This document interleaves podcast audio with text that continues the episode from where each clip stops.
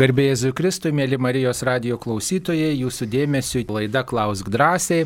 Kaip ir kiekvieną šeštadienį esame pasiryžę atsakyti į jūsų klausimus, kurie susiję su tikėjimu ir su bažnyčios gyvenimu.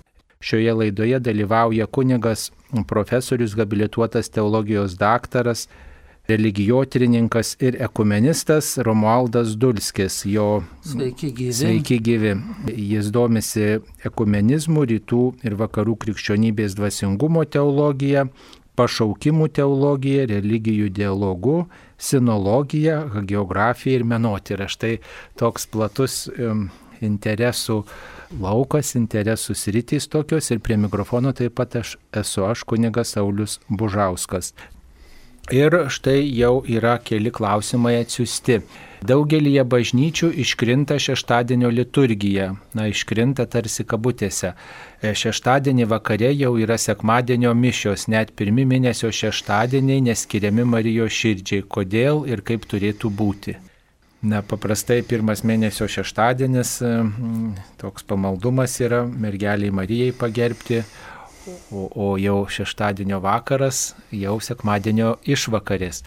Bet jeigu nėra mišių šeštadienį ryte, mm, tai tada ir, na, ir iškrenta, kaip e, klausytojai rašo, ta liturgi, tas liturgijos šventimas e, vienoks ar kitoks, e, nes sekmadienio išvakarių mišios turi būti švenčiamos, nes išvakarė sekmadienis yra pats na, toks gražiausias, pagrindinė mūsų diena yra sekmadienis Kristaus prisikėlimo šventė, tai ir tiesiog visos kitos e, šventės minėjimai, šventųjų minėjimai ir net e, na, tas mergelės Marijos pirmojo šeštadienio paminėjimas tokiu atveju praleidžiamas, nebent mišios būtų švenčiamos dieną iki maždaug 15-16 valandos arba ryte, Tai e, aišku, būtų gražu, kad parapijose būtų švenčiamos mišios pirmoji dienos pusė ir tada galima pagal liturginį kalendorių, kunigė nebent ką pridėsite.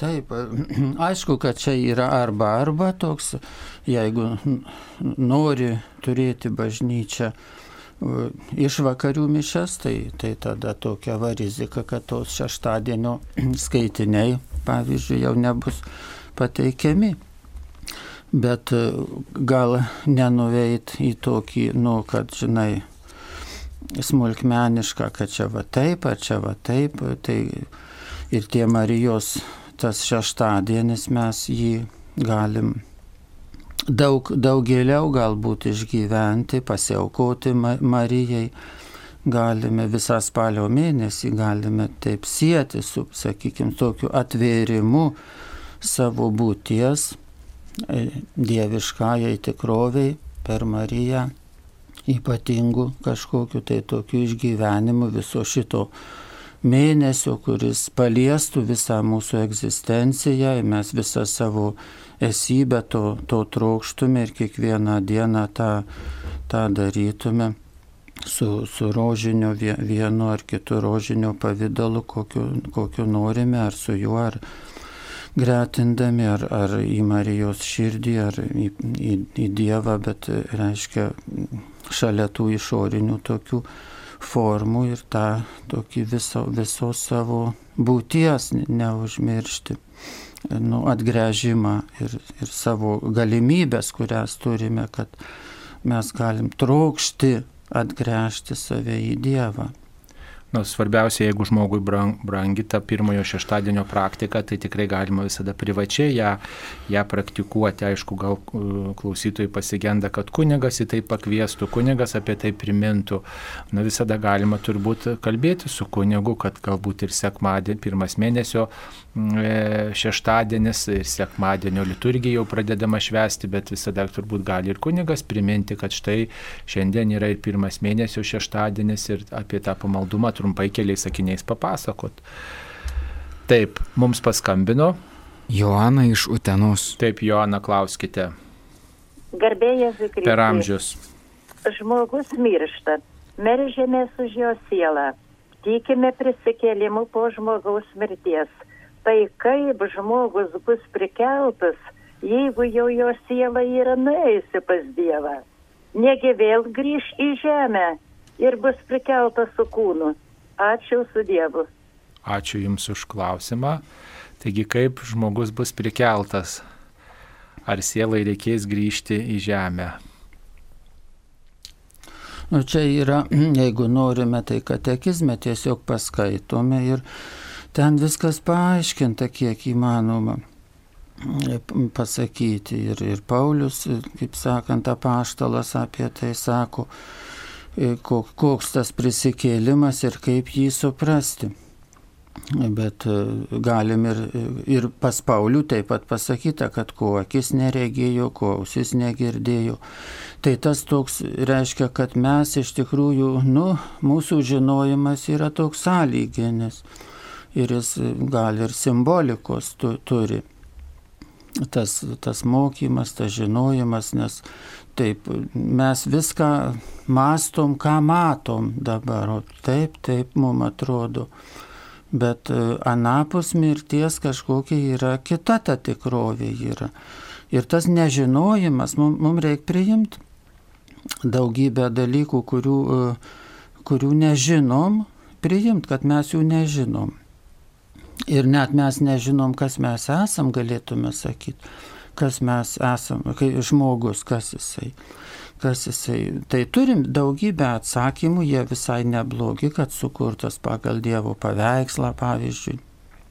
Tai toks atsakymas daug jau, daug jau kažką pasako, bet, bet visur yra tas, tas toks iš turbūt žinojimo ir nežinojimo susidūrimas. Ir, ir mums nereikia čia gal taip dirbtinai kažkaip, o tai, o tai dabar kaip, nu, o tai taip yra, o taip nežinom. Ir tokių paprastų dalykų nežinom. Pavyzdžiui, ar, ar sulauksim šio vakaro, ar nesulauksim, kada mes mirsim, at nežinom. Kad, ką, ką žmogus tuokėsi ir jis neplanuoja tos. Didžiausias dalykas jauniems žmonėms susituokti, bet tas įvyksta kažkaip nežinant žmonėms iš anksto. O toks dalykas gyvenime esminis. Tai mes ir tų žemiškų dalykų nežinom daugybės. Tai ir tas nežinojimas yra palaimintas turbūt, nes, nes yra kitas žinojimas. Pavyzdžiui, ką šiandien turi padaryti, va gero. Šiandien turi didysis žinojimas, kad kaip nors būk geras, va dabar, šiandien, šią valandą, kur eini. E, gerą žodį pasakyk, gerą mintį pasiūsk į, Dievą, į žmonės šiandieną, dabar, nepraleisk šiandienos. Ir tai yra didysis žinojimas didysis žinojimas, kaip gyventi šiame gyvenime, kai mes su kūnu, siela, protu, jausmais, kitais žmonėm, gerais ir piktais ir, ir vat, žinoti, kaip būti, kaip nešti tą šviesą, gėrį, tiesą, teisingumą nešti. Nu ir, o ateis laikas Dievas be mūsų žinojimų pims ir mums suteiks tą amžiną gyvenimą, prikels ten mus, pasodins, pastatys, kaip, kaip Biblija sako, ir bus viskas išspręsta tuo metu turbūt mūsų tokia yra tas noras žinoti, kaip, kaip tas viskas bus padaryta, kas, kokiu principu. Ir mes turbūt, na, būdami riboti, prie šio kad, gyvenimo kategorijų taikome, prie laiko, prie, prie šių mastelių.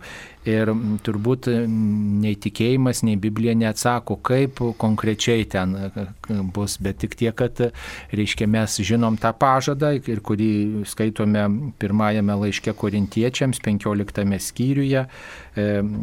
Štai jums atskleidžiu paslapti.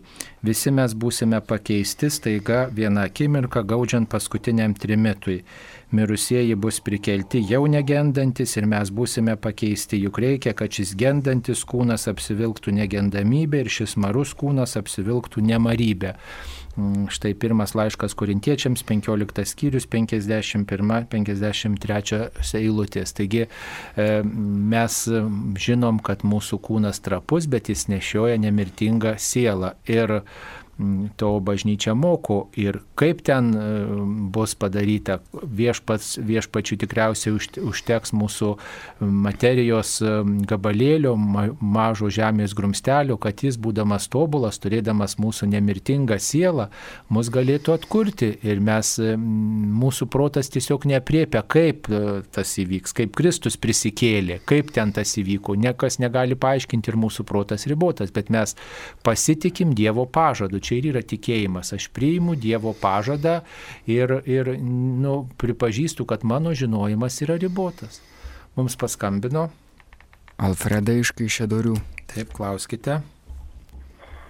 Aš tai norėčiau paklausti apie arkiviskupas apleistas Kviretsko dvarą. Aš ten užaugau, ten mano gimtinė. Daug ten būdavo gražus sodas, ten taip malonė, tokios malonios vienuolės būdavo tikrai. Dabar čia vaikai mane nuvežė pasižiūrėti, tai įsigandau, koks šabakštinas, tie rūmai nu, apgriuvę. Išdars, išdars, išdarkyta viskas. Nejaugis nieko nenusipelnė, kad jau ten taip apleistų šitos rūmus jo ir iš tą visą vietovę, nes ten ir Antanas Metona lankydavosi, ir Maironis ten lankydavosi. Nu, dabar tai tiesiog baisu. Tai tiek norėčiau tik tai. Taip. Na, tas dvaras, kuriame vasarodavo ir kurį laiką gyvendavo arkivyskupas Kviriackas yra Linkuvėlė, man atrodo, taip vadinasi tas dvaras ir jis yra turbūt, kiek žinau, privatizuotas ir, žodžiu, ten nebepriklauso bažnyčiai, ten, žodžiu, privatus asmenys tvarkosi. Tai Nu, žinot, bažnyčiai tiesiog rūpi tos vietos, kuriuose žmonės meldžiasi, kurios tarnauja sielovadai tiesiogiai, va turbūt tenai daugiausiai dėmesio skiriama. Aišku, kažkokia atminimo lenta galbūt galėtų būti, bet jeigu ten privatiems žmonėms priklauso, tai patys suprantat, kad privati, privati valda yra privati valda ir žmonės tvarkosi, kaip jiems atrodo tinkama. Taip trumpai atsakytume. E, ar kunigas perkeltas į pasauliečių luomą gali sukurti bažnytinę santoką? Taip, tai koks mūsų gali būti atsakymas, aišku, kad tikriausiai, kad gali, turbūt, e, kai, žodžiu, atleidžiamas nuo įsipareigo, celibato įsipareigojimo ir yra tokia galimybė. Tai čia turbūt kiekvieno atveju svarstoma, svarstoma atskirai, žodžiu, kokia ta situacija. Bet iš principo tokia galimybė yra. Nebent kunigė ką pridėtumėt. Taip, ar galima užprašyti šventasias mišes užmirusi, kuris buvo nusiteikęs prieš krikščionybę, propagavo teistinės mintis? Tai taip, už visus galima, žinoma, kad už visus galima melstis. Ir reikia, galbūt net galima pasakyti, kad reikia. Kartais tas, tas netikėjimas vėl turi savo priežastį, savo, savo kartais ir netikintieji nėra absoliučiai, absoliučiai blogi. Nu, kartais tas netikėjimas toks, gali būti toks tarsi destruktyvaus pavydalo, kad, žinai, sunaikinti tą visą, kas kas eina iš, iš tikėjimų, kas ir kas gero eina, bet, bet kartais jis yra toks Tomas Halik, toks čekų teologas, dabar labai garsus yra, tai jis apie netikinčiuosius labai taip, pozityvų tą aspektą yra išplėtojęs, kadangi Čekija yra tokia labai sekuliari šalis, tai ten daug tokių žmonių arba agnostikų, arba arba tokių ateistinių nuostatų yra. Tai ir, ir jis tą mato, kad tam bendrai ateizme, žmonių ateizme, žmonių atsitolinime nuo bažnyčios, nebūtinai tas yra atsitolinimas nuo, nuo vertybių. E, kartais žmogui labai brangios vertybės yra ir, ir kaip pilna Evangelija to, kad, kad žmonės, kurie tikin, tikintys, nebūtinai jie, reiškia, nu, visur yra labai skaidrus arba tokie sažiningi, arba aišku, kad čia, nu, steng, stengia, stengtis turime ar neturime tikėjime skaidrėti, bet kartais tikėjimas toks šiek tiek kaip priedanga pasidaro žmonių gyvenime, kad Kad žinai, ga, o gal tada, kadangi tikiu Dievą, tai gal tada galiu taip ką nors nu, ekonomiškai ar kaip nors būti, būti taip leisti savo kokius tai prasižengimus, kurie tarsi ir nieko galbūt. Tai, tai taip. Taip, ačiū. Mums paskambino. Angelė iš Birštono. Taip, Angelė, klauskite. Garbė Jėzui Kristui. Per amžius amen. Norėčiau paklausti apie pirmųjų mirties metinių aukojamas šventasis mišes. Kada jos turi būti aukojamos? Ar jau suėjus lygiai metams, ar galima jas aukoti išvakarėse? Nu, čia nereikia aritmetikos. Čia maždaug, kad, ypač kad susidurėm, sakykime, su bažnyčios galimybėmis, tai yra galbūt yra kitas žmogus, kuriam kokia tai vestuvės ar dar kas, koks tai renginys ir neįmanoma galbūt tiesiog tą dieną būtent pataikyti. Tai, tai yra tokios realybės, o, o, o šiaip nėra jokio būtinumo, kad ar tą, ar aną dieną, ar anksčiau, ar vėliau. Čia jau nueitume į prietarus, jeigu sakytume, čia dabar per anksti, ten per vėlai. Tai Tai, tai čia, kaip sakant, svarbu, kad iš viso, kad mes padarom tas metinės, užsakom mišes, ten melžiamės. Ir, ir tai, tai yra svarbiausia. Ir, ir, ir metinės, ir nelaukdami metinių, ir, ir kai tos ne, nebe pirmos metinės. Tai čia visoks, kaip sakant, mūsų, mūsų meilė mirusiesiems, kad mes už juos melžiamės. Turbūt tokia liaudės pamaldumo tradicija yra, kad geriau vėliau šiek tiek užsakyti, negu kad e, anksčiau, va taip, tai jau tada nebus jokių priekaištų, nieko iš jokių pusės giminių ar, ar panašiai ir sąžinės priekaištų. Va. O, tai o šiaip kaip, kaip visiems yra patogiau, geriau sutarti, malda yra malda ir pas Dievą nėra laiko kodėl bažnyčios eidamos ekumenizmo link nenori vieno, viena kitos atsiprašyti už sukeltus konfesinius konfliktus kaip 30 metis karas, Baltramėjaus naktis ir kitus, per kuriuos buvo nužudyti daugybė žmonių. Jau yra atsiprašymai pati pasakyti, jau turbūt ir ne vieną kartą. Tie atsiprašymai ir popiežius Jonas Paulius II yra apgailėjęs ir atsiprašęs. Tai kita vertus ir iš kitų, iš kitų turbūt pusių taip pat yra kokie tai apgailestavimai pareikšti. E, tai gal ta, tas svarbu, nu toks žestas toksai, jau to nepakeisi, kas buvo. Ir atsiprašymas įvykdytas yra, galima juos norint kartoti bet e, šiandien turbūt tas supratimas yra, kad tai buvo blogis jau toks visuotinis. Tai, tai e, tas yra svarbiausia, kad šiandien e, ekumenizmas, nu, toks tą pasiekia ir, ir bendra žmonių toks, bendra vidinė dvasinė kultūra, kad kad blogis toksai, kuris buvo, kilo iš religinio susipriešinimo, jis jis yra blogis, jis yra nu, nekartotinas jokių būdų. Ir šiandieną jau visai kitaip, kitaip žmonės masto.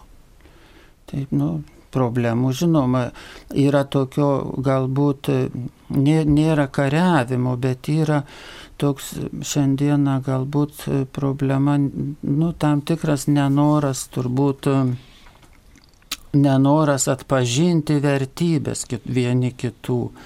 Jis gal šiek tiek ir toks, e, sakysim, išoriškai liktai pripažįstama, viskas gražu, bet e, širdyse e, atrodo dar užsilikę gan stiprus toksai, žinai, kad kad jie, jie, jie blogesni, mes geresni, pas mus viskas teisingai, pas juos viskas neteisingai.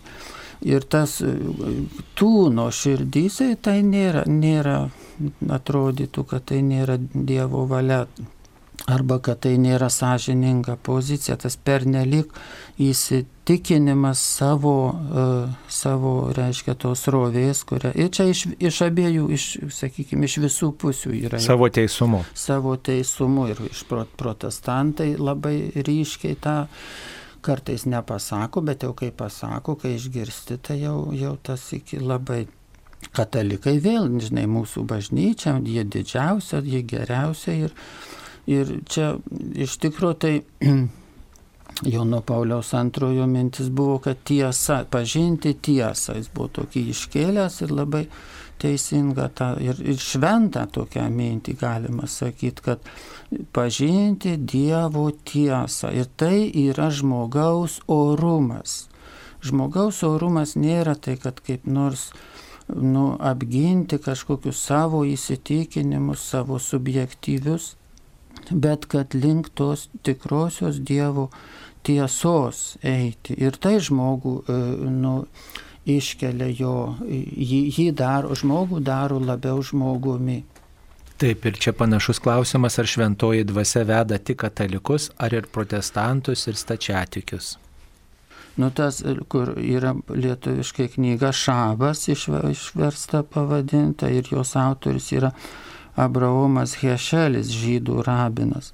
Tai jis savo šitoje knygoje, kuri labai gražiai aprašo, kaip šabą reikia švesti, ir ji tapusi bestselleriu, dėl to lietuviai išsivertė. Ne dėl to, kad mes nu, norim visi žydais tapti, bet dėl to, kad tą galėtume pritaikyti sekmadienio šventimui, ką Hešelis rašo apie šabą, apie šeštadienį kad tai tokia vienijanti jėga kyla iš to e, sekmadienio, mes sakytume, sakralumo, kaip tai svarbu e, turėti šeimoje, visuomeniai, sekmadienį arba šeštadienį, e, tą vieną tokią dieną, kuri visiškai kitokia yra, visiškai orientuota į Dievo ir žmonių meilę. Nu va, tai jisai savo knygoje pasakęs, kad šventoji, jisai sako, aš šaukiuosi dangų ir žemę, kad šventoji dvasia ilsisi ant kiekvieno žmogaus, nežiūrint jo, jo religinių pažiūrų, kuris, kuris reiškia, ten dabar neatsimenu tiksliai, kuris reiškia ieško, ieško Dievo visą širdimi, tai šventoji dvasia ir ateina pas jį ir atsiliepia. Tai žinoma, čia Abraomo Hešelio pozicija, bet, bet ji verta dėmesio turbūt. Kad, kad aišku, kad šventoji dvasia yra arba kitaip pavadintume Dievo malonė, ją e, būtų, nu, pavojinga ją savintis. Jeigu savinamis, tai tada jau e, kažkaip vėl į tokią iš kit, reiškia iš kitų žmonių jau mes lik neturime mokytis, o iš tikrųjų Dievo valia turbūt yra, kad mes mokytumėmės vieni iš kitų ir kai mokomės, išmokstame. Kai išmokstame, mes augame, bręstame. Jeigu sakome, žinai, pas mus yra viskas, pas juos ten nieko, tai tada mes į tokį saviizolaciją patenkam, kad mes protingiausi esam ir tas sustabdo mūsų progresą. Taip, ačiū, mums paskambino. Violeta iš Prienų rajono. Taip, Violeta, klauskite. Garbėjai Zikristai. Per amžius. Aš atrodys gal ne į temą tas klausimas, bet labai rūpimas. Man labai jautriai, nu, aš norėčiau padėti savo dukteriečiai, kuri, mano akim žiūrint, ir, ir, ir čia kitų jaunų žmonių matymų, jau kai šiek tiek supranta tą problemą, yra serganti anoreksija. O tėvai, tėvai tiesiog jau, jau patys savo laiku kažkaip nu, ignoravo, kad jiem reikia psichologinės pagalbos. Daug to šeimoje buvo problemų ir dabar mergaitė vienintelė, kuri, kuri labai taip jau tiesiogiai ir fiziškai kenčia, bet, bet tarsi čia taip jau priimta, kad čia visai gal įdomu, gal čia kažkoks sveikesnis gyvenimo būdas ir nyksta tas vaikas. Ir man baisu, kaip, kaip sako, e, kažką tiesiai jai sakyti, nes ji labai tokia darosi nervinga, nors buvo iš tikrųjų labai, labai dora, labai rami, labai gera mergaitė. Ir, ir prašau jūsų patarimų, kaip čia iš tokių situacijų išėti, kaip padėti tokiam žmogui, jaunam. Na, padėti tokiam žmogui galima turbūt įvairiais būdais. Viena vertus skirti dėmesį, lankyti arba bendrauti kiek įmanoma telefonu ar kitom priemonėm, duoti žinę, kad man rūpi tas, tas žmogus, e, tiesiog palaikyti viltį to žmogaus ir, ir tiesiog galbūt, jeigu žmogus tikintis, tai ir, ir, ir melstis galbūt su juo kartu, e, pakviesti tiesiog pakalbėti apie ligonių sakramento prieimimą, tokį ypatingai jeigu žmogaus ta būsena nuolat blogėja, tai gal ir tokį reguliarų prieimimą, ypač šventos komunijos prieimimą, dažna pasirūpinti tuo, kalbėtis apie tai tokia vadvasinė pagalba būtina, o iš tokios medicininės pusės tai Žinoma, kad daugiau gal artimieji ir pats tas žmogus, žodžiu, kaip, kaip nusiteikęs, kokia įmanoma ta pagalba priimti ir, ir koks įmanomas tas gydimas. Matot, artimieji, jie yra atsakingi už to žmogaus istoriją irgi kiek įmanoma, jeigu, jeigu žmogus tiesiog žmogaus artimieji vienu nusistatymu, tuomet tą pagalbą suteikti dažnai būna kebloka. Bet tartis su specialistais įvairiausiais turbūt mūsų kaip kunigų tokia, tokia užduotis yra ta dvasinė pagalba žmogui suteikti kiek įmanoma kiek įmanoma geriau, jautriau, kaip sakant, periodiškai, kad, kad, kad žmogus tiesiog būtų sustiprintas viltimi, tikėjimu, artimo meilė. Vat, e, tokia yra misija turbūt bažnyčios. Tur, turbūt taip, kiek, kiek tiki žmogus, gal kiek nors jeigu tiki, tai, tai tas galbūt šitos problemos kyla dėl tam tikros pasaulyje žiūros, kuri taip, nu, ji nesuformuluota, bet ji įsigyvena, kad, nu, tokia, pavyzdžiui, kad turi būti graži, Čia va tokie madų žurnalai yra gražus, čia tokie ant podijumo kaip vaikšto tos princesės. Ir taip pa žmogų tokios vertybės turbūt susidaro, nu, kaip sakom, labai jau pasaulietiškos. Ir dar, tok, ir, nu, ir dar prie tų pasaulietiškų dar, aišku, gali ir kokių sužeidimų čia gali, gali būti, kokių, kur nori sakyti ar nenori sakyti. Bet krikščionybė, jeigu, jeigu žmogus galėtų vat, ateiti į tą krikščionybę, nu taip giliau, rimčiau, tai jie truputį nukoreguoja, harmonizuoja. Nes mes sakom, žinai, Dievas svarbiausia gyvenime, nu taip toliau ten reiškia klausimus, klausti, kodėl mokomės, mokomės krikščionybė, kodėl aš taip darau, ar ne, paklausti savęs, kodėl aš taip mastau, kodėl mano toks požiūris. Ir tie dalykai išgydo žmogų. Jeigu jis ką nors paskaito, nu, Bibliją ar analogiškai, kokią knygą. Aišku, su kokiu protingu ir jautriu kunigu, kokiu kunigu vienuoliu ar, ar kokiu kitu, kokiu vat, kunigu, kuris, kuris turi tokio jautrumo, išminties kartu, kad ji galėtų galbūt pasikalbėti, išdrysti, pasisakyti savo, savo ar atlikti tiesiog išpažinti tokią savo gyvenimu, kas, kas ten yra sielos, sieloje, vis, visokios, nu, vat, lūkesčiai, pavyzdžiui, gal lūkesčiai iš gyvenimo yra jie, jie, nu, reiškia, nu, bažnyčia kaip ir nedraudžia tiesiogiai kokiu nors būti modeliu ten ar ką, bet, bet va tos vertybės, kada jos labai išsikreipia, mes pasakytume, turbūt, kada svarbiausia, žinai, kad pasaulis, svarbiausia, kaip aš atrodau. Tai čia yra, nu čia nesąmonė, čia tada aukštin kojom žmogus tarsi gyvent pradeda. Nes svarbiausia yra visai kiti dalykai. Ir, ir kai, reiškia, jeigu į tą kaip nors, į tą religijos pasaulį, galėtų ateiti žmogus, tai jis, jis galėtų gyti, po truputį jam išsispręstų psichologinės problemos. Ir, nu, aišku, kad čia sunku pasakyti, kaip sakant, taip apie, nes nežinom nei kokio ten lygio, nei kokio, kokia ta simptomatika, nei, nei kiek ten reikia galbūt kokių medikų pagalbos, psichologų pagalbos.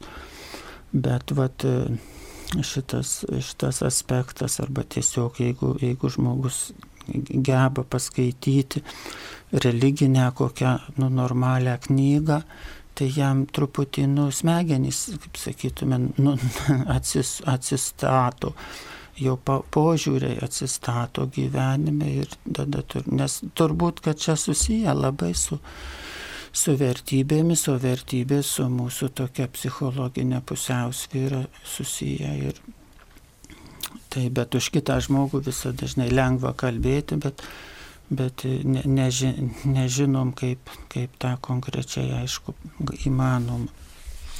Taip, dabar ačiū. Dabar dar viena žinutė yra apie Luko Evangelijos 9 skyrių nuo 23 iki 24 eilutės. Tokia štai ištraukėlė. Jėzus pasakė visiems, jei kas nori eiti paskui mane, tai išsižada pats savęs, te neša savo kryžių ir teseka manimi. Kas nori išgelbėti savo gyvybę, tas ją praras, o kas pražudys dėl mane savo gyvybę, tas ją išgelbės. Gal Dievas kiekvieną prakalbina savaip ir duoda supratimą, kaip galima suprasti štai šitą eilutę, išsižadėti savęs ir išsižadėti, pražudyti savo gyvybę dėl Kristaus, kad ją išgelbėčiau, kaip mes galime paaiškinti. Taip, tokia, aš tai žiūriu į tą labai kasdienybę, pažiūrėjau, jeigu būsi sąžininkas e, šiandieniam pasaulį, kur nors, nu, galim imti ir tuos politinius įvykius, koks vad opozicija, kokiuose totalitarinėse šalyse jie labai, žinai, jie paprasčiausius dalykus sako, reiškia apie teisingumą, skaidrumą, sakytum, nieko, nieko kažkokio baisaus nekalba, paprastus dalykus, būkim sąžiningi, reikia rinkimus sąžiningus padaryti, būkim skaidrus, pasakykit, iš kur gavote pinigų, nu ir, ir tada tu jau mirties kandidatas tampi. Tai va, tai ir žmonės galėtų, pavyzdžiui, nesakyti to ir tada jie, nu, kaip sakant, būtų nepasakę to, tai ramiai išvengtų tos akistatos. Mūsų, mūsų šalyse, nu, pažiūrėjau, jeigu korumpuota kokia nors institucija, įvairiausių lyg, lygmens ir verslo, ir neverslo institucijos, kurios kaip nors turi tokius viešą lygmenį ir paskui tokį lygmenį, kuris eina truputį užmaskuotas arba daugiau užmaskuotas. Ir tada nu, darbuotojams e, siūloma, reiškia, tu taip ir taip turi laikytis, reiškia, žiūrėk mūsų naudos ir tau bus nauda. Bet jeigu tu nori būti sąžiningas, tu tapsi mūsų priešų ir žinok, jau nukentėsi tada, nes ta, tas sąžiningumas mums jisai kliūtis kliūtis mums praturtėti, mums išgarsėti, mums klestėti. Ir taip, tai ir čia vat, yra tas kryžius, sakykime, tai jeigu, jeigu žmogus nori gyventi kaip nors sąžiningai, nu, kaip Dievas moko, tai jis toj kryškeliai tada, arba tu, nu, ne gyvybės klausimas, bet, sakysim, kokio nors uh, kokių nors gėrių klausimas, kad tie gėriai pateikiami arba tu juose dalyvausi, arba tu jų neteksi. Ir, ir vat, čia galbūt būsi suniekintas kaip nors, apšmeištas, galbūt turėsi materialinių nuostolių vienokių ar kitokių tau nu, nutrauks tavo, reiškia, algą sumažins ar visai išmes iš darbo. Ir varda, dėl to, ne, nesakau, reiškia, kad nu, visur taip yra, bet kad tokios situacijos būna ir, ir kad žmogui tada, reiškia, nu, paprasčiausias dalykas, sako, mūsų institucijos vadovas niekas negali kritikuoti Tai, nu, tai reiškia teisybės jau nesakyk. Ir tai tokie va, įvairūs gyvenime labai žemiški žmogiški dalykai, kur, kur jeigu lieki sąžiningas, jeigu lieki teisingas ir jau tu gali nukentėti. Ir čia apie Kristų, apie Dievą čia nieka, nėra kalbos, bet iš tikrųjų ji yra turbūt reikia pasakyti, nes ta, ten, kur skaidru, ten, kur sąžininga, kur, kur viskas padėta ant stalo ir kur siekiama tas vadinamas bendrasis gėris, visų žmonių gėris, o ne kokių nors grupuočių, atskirų asmenų, atskirų grupinių interesų, kitų žmonių sąskaita reiškia. E, ta, tai tie grupiniai, inter, grupiniai interesai gali būti, bet jie turi būti deklaruojami. Štai mes susidarėm grupį, mes auginam kokius nors tenais daržovės ir, ja, ir siekiame naudos savo augintojams. Nu, įtvarkoj. Bet yra grupės tokios, kur sėdi kažkur tai ir jie vaizduoja, kad jie bendrajam gėriui tar, ir jie privalo tarnauti bendrajam gėriui. Bet jie susirenka kur nors slaptai ir sako, žinai, tam bendrajam gėriui nesąmonė čia, nes mes daug, daug patys nelaimėsim, mums reikia čia gudriau gyventi. Ir tada vat prasideda tokitas, kur kur reiškia paimti savo kryžių ir išlikti žmogumi. Tada jeigu iš tokiuose situacijose išlikti žmogumi, tai išlikti vat, tose, kaip sakome, demokratinėse vertybėse, skaidriuose vertybėse ir taip čia turbūt Na, svarbiausia turbūt paprastas dalykas suprasti, kad e, meilė, tikra meilė ir ta meilė, kurią parodė Jėzus Kristus, mūsų Dievas ir žmogus, jinai visada siejama su pasiaukojimu. Tikra meilė nuo aukos neatskiriama. Tai jeigu mes norime tos tikros meilės savo gyvenime įsileisti, reikės įsižadėti savo egoizmo, savo puikybės, savo net interesų. Dar toks vienas klausimas, kodėl viskupai nenustato draudimo politikams kalbėti iš sakyklų?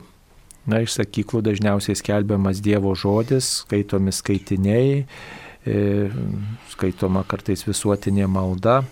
E, e, tai turbūt yra tas toks draudimas vis dėlto, kad bet kokiems politiniams, e, politinėms agitacijoms ne vieta bažnyčioje nuo ambonos, nuo sakyklos, bet kartais turbūt pasitaiko taip, kad politikas štai skaito skaitinį arba maldavimus kažkokius, tai irgi tam tikra tokia nu, vat, agitacija. Labai subtilus dalykai, bet šiaip apie politiką kalbėti e, pasauliečiams, ypač prieš rinkimus, tai tikrai na, nėra tokio, taip sakant, leidimo.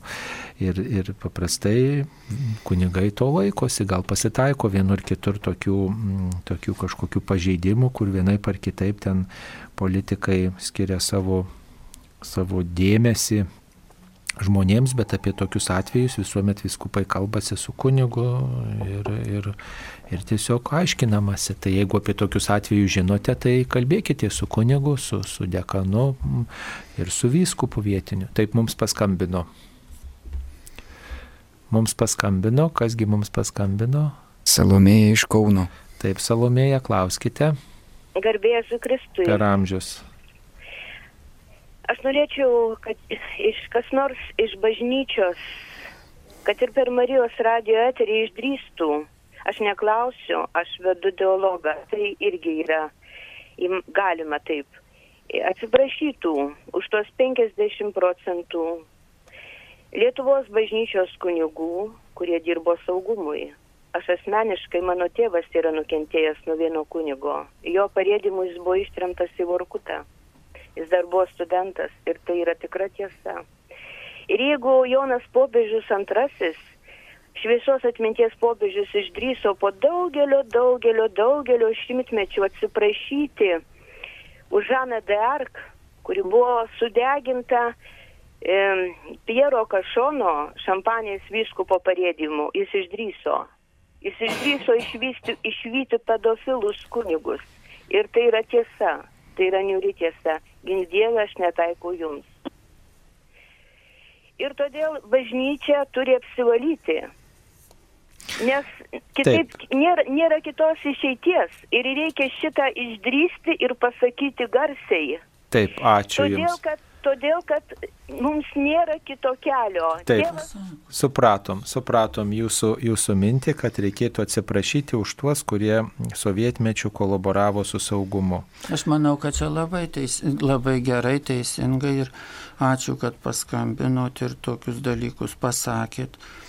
Ir, ir turi būti toks, toks kalbėjimas, tokie, vad, sakykime, pasakymai ir jie pagrysti asmeninę patirtim.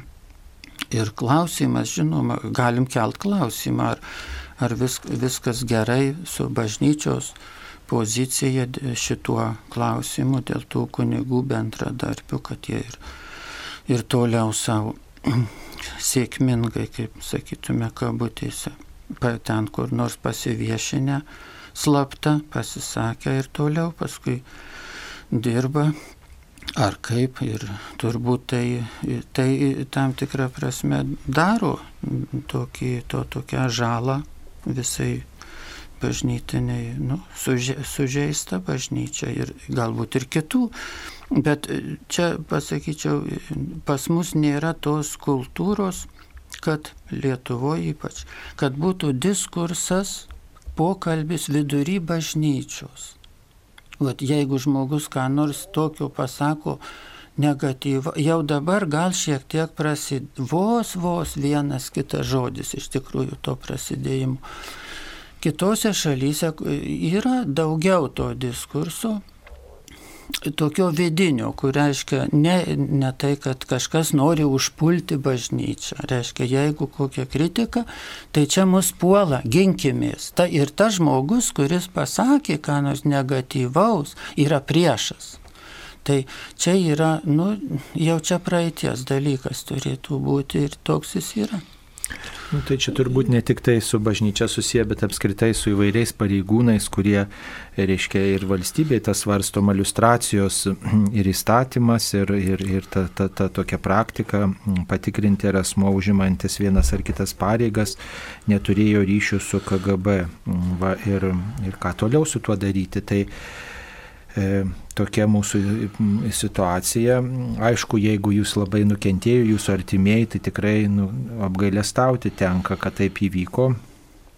Tas atsiprašymas vargu ar, ar, ar kaip sakyti, pa, na, tiesiog kažką labai pataisys, ar čia. Taip, bet jeigu jo kompensuos. nebuvo, tai čia teisėtas prašymas, aš sakyčiau, va- svarstytinas, vertėtų pasvarstyti Lietuvos bažnyčios vardu, pavyzdžiui. Jeigu nėra dar buvę tokio atsiprašymo už tuos kunigus, aš nežinau, tai už tą visą bendradarbiavimą, tai galėtų būti. Čia toks kaip ir vėl, toks kažkoks tai nusimuilintai, tai čia vat jau praeitis, bet nu va žmonės Taip nuoskauda likusi. Nu, nuoskauda ir dėl, dėl tiesiog dėl paties teisingumo. Tai ar mums, kaip sakykime, mums kaip bažnyčiai, mums tas skaidrumas reikalingas, vat, ar, ar tik tai tiek, kiek iš šalies ateina ir jau vos ne už atlapų įsikabina ir sako, tai kur tas jūsų skaidrumas?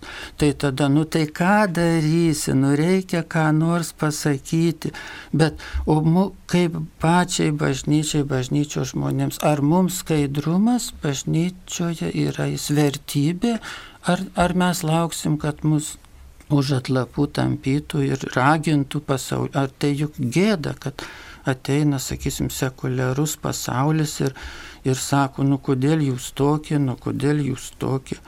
Tai nu, reiktų pačiai bažnyčiai kažkaip irgi nu truputėlį pajudėti. Na tai čia turbūt atsaking, patys atsakingiausi pareigūnai, mūsų viskupai apie tai turėtų galvoti. Taip, dabar e, dar viena žinutė, į kurią mes norime atsakyti. Tai yra, ar turėjo žydai pasirinkimą pasmergdami Kristų myriop, juk dėl tos jų naštos mes turim atpirkėją. Žydai pasirinkti, visada žmogus gali pasirinkti, bet matot, Dievas, jisai mato visa, visų žmonių pasirinkimus, kokie jie, jie kaip čia pasakyti, gali būti ir kokius jie pasirenka. Ir viešpats panaudoja mūsų klaidas, mūsų netinkamus pasirinkimus, mūsų netinkamus pasakymus, mūsų nuodėmės, vis dėlto jis kaip įmanoma kreipia į gėrį. Ir, Ir, ir, ir tokiu būdu net ir ta pirmųjų žmonių nuodėmė, Dievas matė, kad tai, kad tai ryškiai įvyks, kad tai įvyko ir, ir jis ją panaudojo kaip įmanoma geriau siūsdamas atpirkėją į šitą žemę. Tai mm, aišku, kad turim pasirinkimą visada, bet viešpats žino visus mūsų pasirinkimus ir žino jų pasiekmes.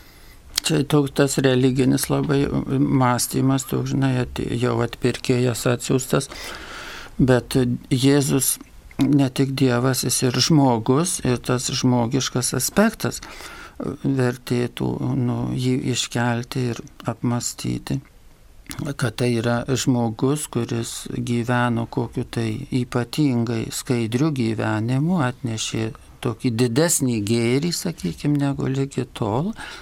Ir tada jis susidūrė su, tuo, su, su niekšybė žmonijos. Ir, ir tada į Jėzaus tą situaciją, jo, jo fenomenas, sakytume, jis tampa toks universalus. Dėl to, kad jeigu nori, nori koks nors žmogus, Baltarusijoje nori geriau ir iš karto smurtas, žiaurumas prieš tą gėrį. Ir čia visur yra, jeigu nori ką nors geriau, tai žinoma, ar kita, reiškia dvi galimybės. Jėzus turėjo mokinių, kurie sakė, o čia puiku ir mes norime į tuo keliu.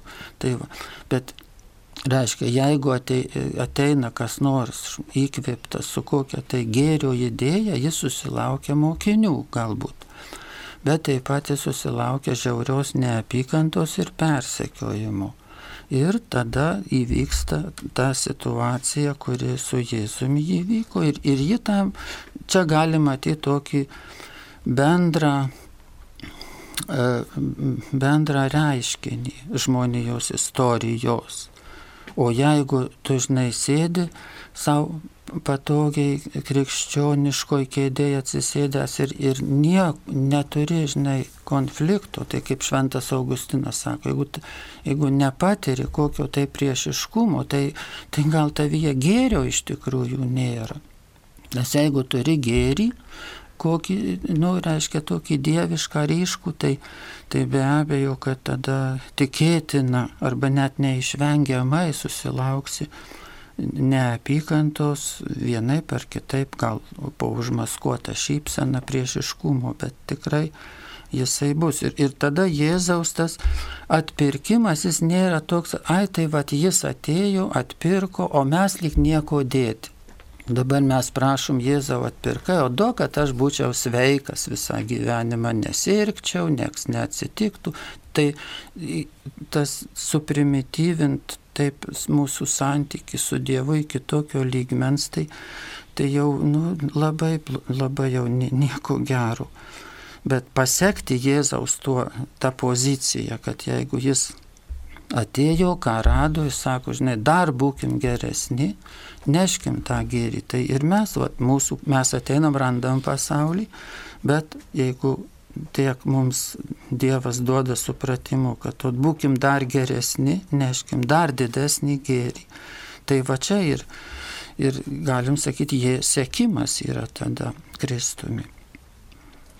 Taip. Ką reiškia švento rašto eilutės, kas turi žmoną, te gyvena tarsi neturėtų. Ką daryti, jei žmona netrokšta vaikų, nori atidėti vaikų gimdymą.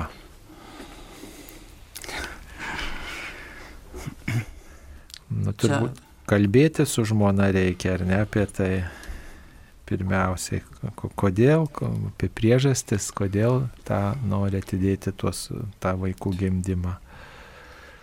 Taip, jai, jai našta didžiulė moteriai išnešioti devynis mėnesius turbūt yra jai tas toks krūvis, yra vyras šalia, jisai, asist, kaip sakant, asistuoja, uždirba. Nu, čia žmonių santykių problematika, tai didžiulė meilė, aišku, apsupti vyras turi meilę meilę žmoną, rūpeščių, globą, dėm, kaip žydai skaičiau neseniai, reiškia, sako, kai kalbi su žmona, rabinas aiškina, tai tu jai komplimentų būtinai pasakyk visuomet. Na, toks atrodo primityvų, bet, bet taip įdomu, reiškia, pradėdamas su žmona, tai ne, jau tu ją, kaip sakant, turi, tai kam tie komplimentai, gali sakyti, kur mano kotlė, tai viskas ar padarėjai. Bet reiškia, tu jai pasaky komplimentų ir ji nušvis gal kaip saulė. Va, ir tada tu daugiau ten ką pasiškalbėsi. Bet, bet reiškia, tas žydų kultūroje yra toks, kad vyras kažkaip tarsi apsupa globa rūpeščių žmona. Ir aišku, padaro, nu kaip sakant, kiekvienas žmogus už save atsakingas, tai ne, nu, bet ką galim, reikia daryti, ką gali vyras daryti, sakant, tobulas vyras, būkim tobulas, tobuli vyrai savo šeimos arba tobulo žmonos, bet tai nereiškia, kad tas būtinai turi suveikti, kaip sakant, o turi suveikti. Nu, ar suveiks čia Dievo jau dalykas. Bet jeigu būsim viską padarę, tai, tai jau, jau bus gerai. O, o, o ta, ta mintis, aišku, ten yra, kad e, Biblijos tai turbūt yra jinai tokia, kad reiškia, kad, nu, ne, tarsi reiškia, kad Dievas būtų aukščiau dar už viską. Ten, kas turi žmonas, tarsi jų neturėtų. Ten tas kontekstas yra nu, kad mm, ta Dievo karalystė vat, būtų svarbiau mums, kad mes, nu, ir čia galbūt irgi ir sprendžiant tą šeimininės problemas, klausimus, tai kad mes, nu, kažkaip tą dievišką pasaulį dar pirmoji vietoj, kaip ne dėl to, kad šeima, bet dėl to, kad žmonės esam, tiesiog žmonės. Ir visus dalykus, kai norim spręsti, savo profesinius, savo visokius bendravimus su žmonėms, su giminėm, ne tik šeimos rate. Tai kad kažkaip diev, dieviškoji ta tikrovė mums būtų pirmoje vietoje, nežiūrint to, kad esam pasauliečiai, žmonės ir taip toliau paprasčiausiai. Bet va ta žinia yra evangelinė žinia, kad jeigu sėkėsi žmogus, tai tada esi ir dieviškas. Ir dieviškumas tau yra pats svarbiausias dalykas. Jį, jį rasti, jį sutikti. Ir, ir tada tu tam tikros šviesos įgyji į tuos visus žemiškus dalykus. Juos tvarkai, darai, kaip tau išeina, mokaisi, kaip juos geriau padaryti, o po to vėl grįžti prie, prie Dievos ir, ir vėl į jame atsigaivini. Ir ir toks, nu, galbūt ta, ta prasme tenais, tokia iš, kurią galėtume va taip, e, taip suprasti ir taip iš ją pasinaudoti savo gyvenime. Taip, ačiū mums paskambino. Antanas iš Kauno. Taip. Labą dieną. Labą dieną. Labą dieną. Aš norėčiau pakalbėti apie Lotą, kokia jo buvo šeima, kaip dukros jį nugirdė, paskui Kaip ten buvo, ar jie santykiavo? Taip, ačiū, ačiū. Klausimas apie Lotą. Čia reikia pasakyti turbūt, kad ta istorija tikriausiai yra didaktinė, tai yra jinai ne istorinė, jinai gra, gražiai tokia intriguojanti istorija, kuri sugalvota, ką nors mums pasakyti. Ir mes dar galbūt daug, dauguma jau esam tą girdėję, kad į Bibliją negalima žiūrėti kaip į istorinę knygą. Biblijoje iš karto padalinama, kad kai kurios knygos vadinamos istorinėmis, kitos net nevadinamos istorinėmis, jos yra jau kitokio pobūdžio, pamokomojo. Iš karto, bet ir tos istorinės, vadinamos istorinės, jos iš tikrųjų nėra istorinės knygos šiandienę prasme, kaip mes suprantam, kas yra istorinė knyga. Tai ten yra visokių pasakojimų, kurie ale istoriniai, bet jie iš tikrųjų yra tokie didaktiniai, pamokomi, jie, jie sugalvoti galbūt, arba jie turi gal kokį, šita, šitas tai manyčiau, kad labai pasakojimas jau tinka į tą kategoriją. Bet daugybė kitų, kurie gal turi kokį nors istorinį pagrindą, labai nežymų, o, o daug dalykų, po, kaip vad būna tokie filmai apie istorinį asmenį, šiandieną pastatomi ir, ir kar, kartais jie būna labai arti, žinai, tos biografijos tik tai veikėjai truputį gražesni aktoriai parinkti, kad mums smagiau žiūrėti būtų. Bet dažnai irgi būna taip, kad ten taip nutolstama nuo tos, arba, pavyzdžiui, nežinoma, kuris senovės kokie veikėjai istoriniai, tai nebežinoma, kaip ten buvo, tai tada viskas lieka režisieriaus ir scenaristo išmoniai pateikiama ir žiūrim, labai smagu žiūrėti bet tai su, su tikrove jau netu, nėra viens prie vieno. Tai, tai va čia į daugelį dalykų Biblijoje mums iš tikrųjų jie kažkaip kalba į mūsų širdis, į mūsų protus, turi kalbėti. Mes turim kažką vat, išmokti iš jų, kas būtų mums naudinga, ką, ką iš tikrųjų, ką norim pasakyti, sakykime, tas pasakotojas, biblinis autorius, ką jis norėjo pasakyti mums, kad kažkaip gyvenk, vat, Dievui nesiblaškydamas, žiūrėk, nu nepamesk, kaip sakant, kelio, nenukrypk, bet visa energija eik į Dievą nes pavirsi tą druskos stulpą, suakmenėsi, su, suprimityvėsi, tai būdėk, būdėk, kad, kad nu, gyvas ryšys su Dievu būtų tavo širdį, tavo protė ir kad tu verštumėsi į Dievą, tekinas į jį bėgtumėj, nepražiopsotum šio gyvenimo. Nu, va, galbūt taip. Taip, ar turime klausimą telefonu? Taip. Paskambino Birutė iš Marijampolės. Tai Birutė, klauskite. Gerbėsiu Kristus. Per amžius. Aš iš šitą man seniai vis, vis seniai pagal, pagalvoju, kad šitas kaip Kristų kankino ir, nu, ir nukryžiuoja, nu, nu, nuteisė nukry, nukryžiuoti. Tai čia jį nuvankė žydai. Tai, tai šitą ir vienas neatsimenu, koks jo vardas, pasakė, kad reiškia jo kraujas ir, ir tegul krenta ant mūsų ir ant mūsų palikonių. Nu, ir žydų yra per gyvenimą labai daug nukentėjusių, žuvusių. Ar kartais čia jie, reiškia, nu, yra toks nedievo kerštas, kai jie patys, jie patys prisišaukė, kad tegul krenta ant mūsų ir ant mūsų palikonių.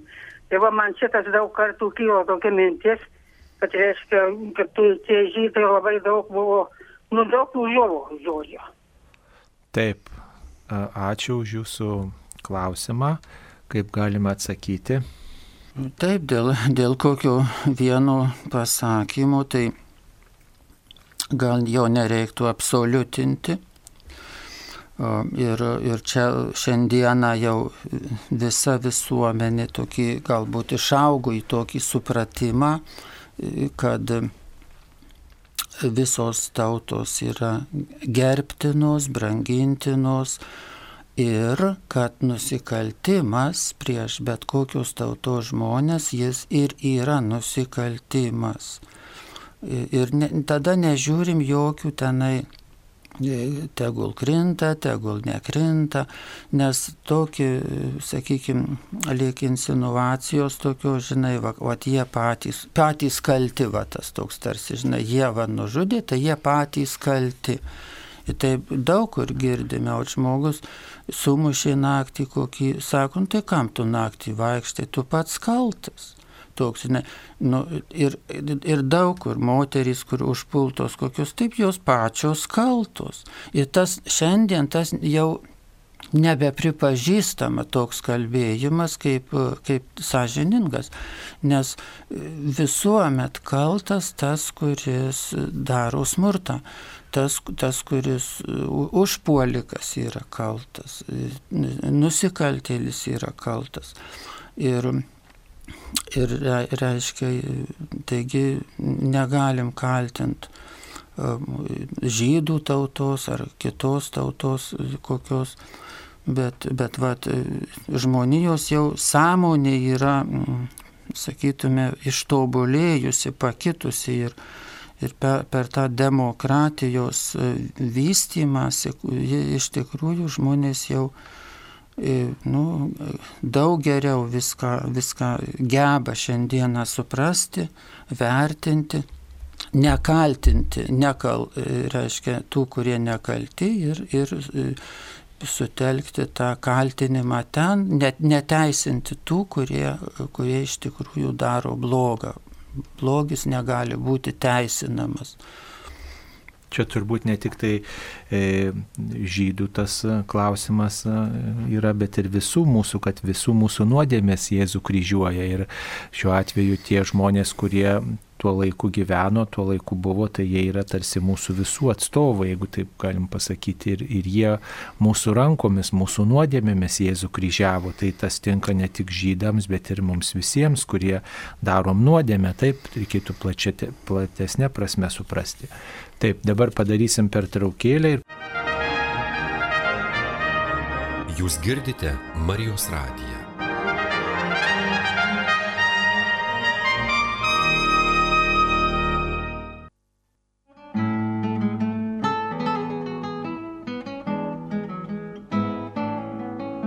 Mėly Marijos radio klausytojai, spalio mėno, mergelės Marijos rožinio mėno, Malda jungianti kasdien mus Marijos radio bangomis. Pagerbdami švenčiausią mergelę Mariją bažnyčiose, susitikime ir su Marijos radio savanoriais. Paremkime Marijos radio veiklą bei naujo pastato statybą. Savanoriai spalio ketvirtąją sekmadienį bus Alitaus angelų sargų bažnyčioje, kur vyks tituliniai angelų sargų atlaidai. Mažiekių Švento Pranciškaus Asižiečio bažnyčioje, vykstant Švento Pranciškaus Asižiečio atlaidams, Alantos Molėtų rajone Švento Paštalo Jokūbo bažnyčioje, Švenčiausios mergelės Marijos Rožinio karalienės Rožančinės atlaidų dienomis, Bukonių Jonavos rajone Švento Arkangelo Mykolo bažnyčioje, titulinių Švento Arkangelo Mykolo atlaidų metu, Vilniaus Naujosios Vilnios Švento Kazimiero bažnyčioje, Trakų Švenčiausios mergelės Marijos apsilankimo bazilikoje, Kauno Šančių švenčiausios Jėzaus širdies bažnyčioje, Molėtų Švento Paštalo Petro ir Povilo bažnyčioje, Lasdyjų Šventos Onos bažnyčioje bei Plungės Šventojono Krikštitojo bažnyčioje. Dėkojame, kad Marijos radiją kūrėme kartu.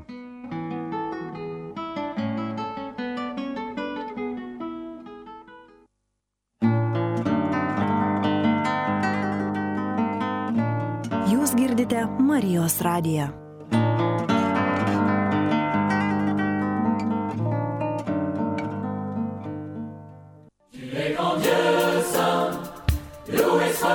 Tu es grand Dieu fort, et nous célébrons Dieu de tendresse, ta miséricorde et ton amour, tu es grand Dieu. Pokalbių laida Klausk drąsiai.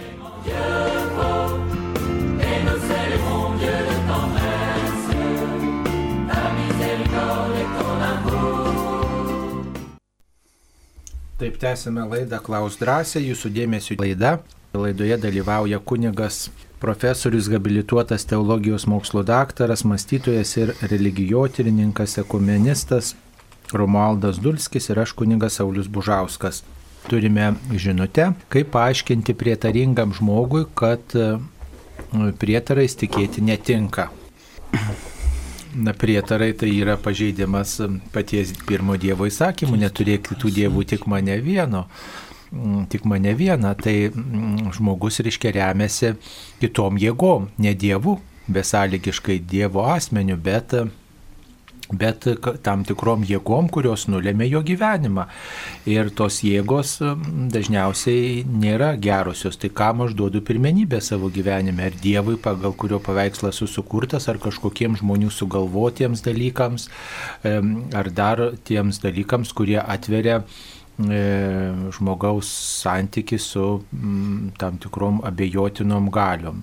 Sakant, prietarai mus atveria piktai dvasiai, kad reiškia, ne Dievas mano gyvenimą valdo, bet tam tikros galios, kurios štai va, čia va reiškėsi tokiom aplinkybėm ir aš jom duodu pirmenybę. Reiškia, savo ateitį patikiu ne vienatiniam Dievui, bet tam tikrom aplinkybėm, kurios valdo tam tikros galios. Arba galėtume gal sakyti, kad čia yra toks primityvus religingumas. Labai primi, suprimityvintas žmogus nujaučia tą savo būties trapumą, žmogiškosios būties trapumą ir jis per prietarus kaip nors bando, reiškia, kažką išgauti.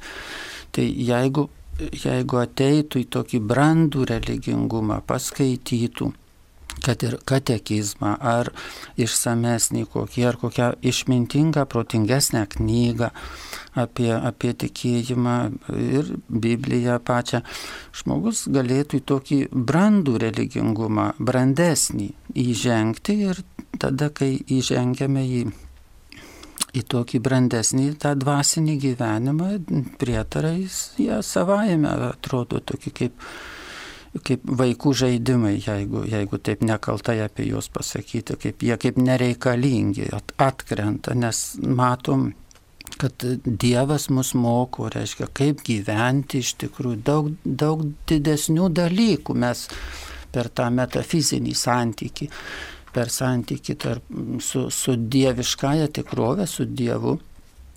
Mes iš tikrųjų nu, daug didesnės panoramas pamatome, negu kad ten prietaras toks ar prietaras kitoks.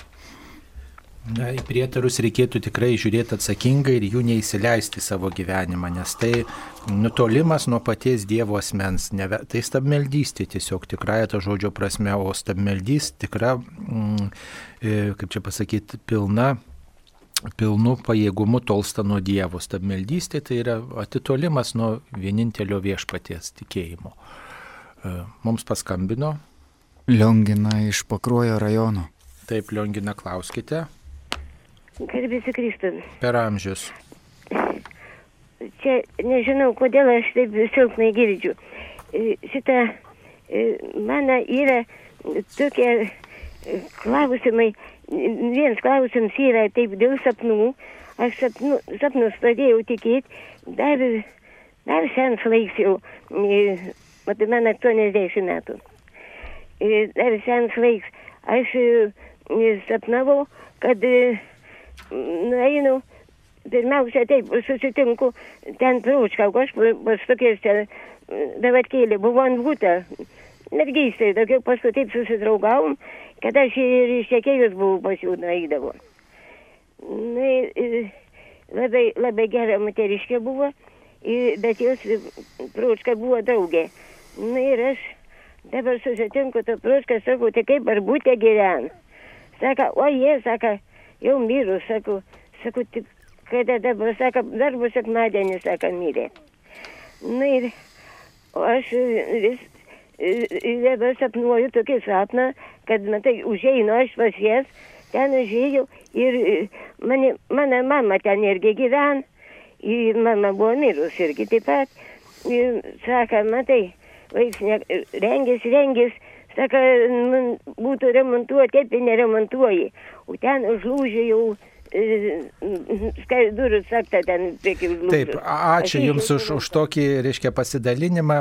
Matot, labai su tokiom visokiom smulkiom detalėm, paskui mes galim pamesti pagrindinę mintį. Žodžiu, sapnuojat savo artimuosius, kaip suprantu. Tai kaip mes galim pakomentuoti tą sapnavimą, artimųjų sapnavimą, ar turi kokią reikšmę sapnai mūsų gyvenime?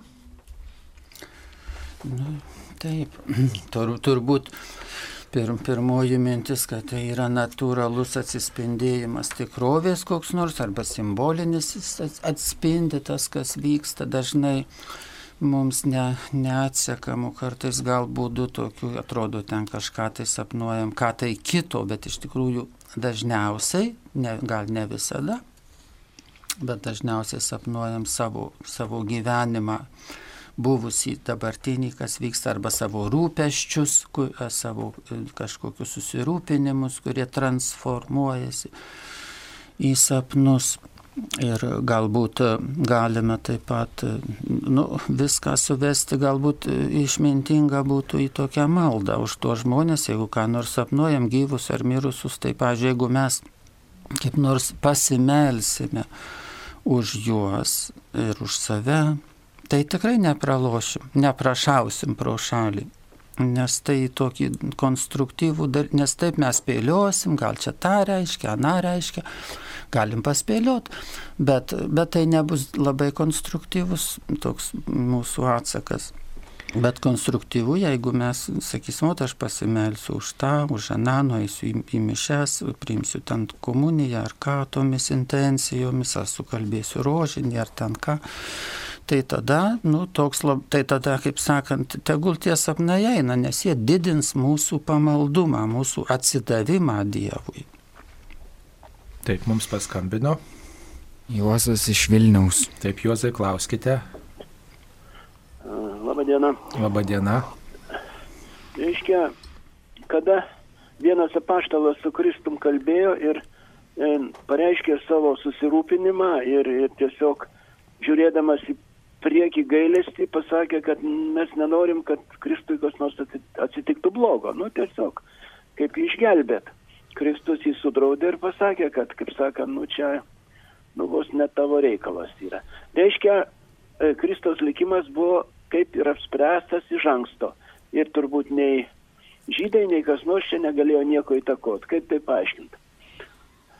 Taip, ačiū. Kristaus likimas nuspręstas iš anksto. Čia aš išvelgčiau tokį, galbūt tokią prasme tuose. Jėzus ten atsako labai griežtai, atsako mums, kaip sakant, atrodo net nelogiškai. Jis sako, eik iš mano akių šėtonė tai kažkaip lik neadekvatu atrodo, nes nu jis tik pasakė tokiu, kad gal tau nereiktų kentėti, o Jėzus tarsi jį užsipuola, kad, reiškia, tu kalbi kažkokius tai demoniškus dalykus, demonišką man implikuoja, žinai, poziciją. Ir va, ši čia atrodytų, kad reiškia, Jėzus eina savo keliu, kuris yra toks, e, nu, tokio va teisingumo kelias, die, nepaprastos teisingumo, skaidrumo ir gerumo.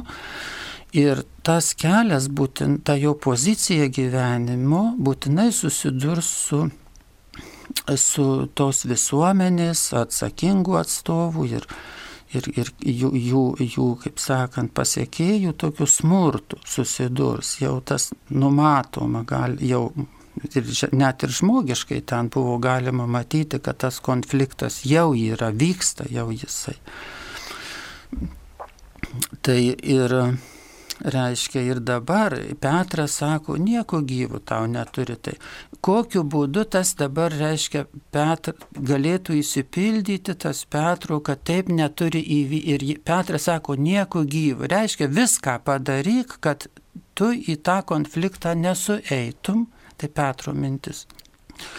O viską tai reiškia išeitų, kaip tu, kaip tu gali nesuveiti kaip tu gali išvengti to priešiškumo.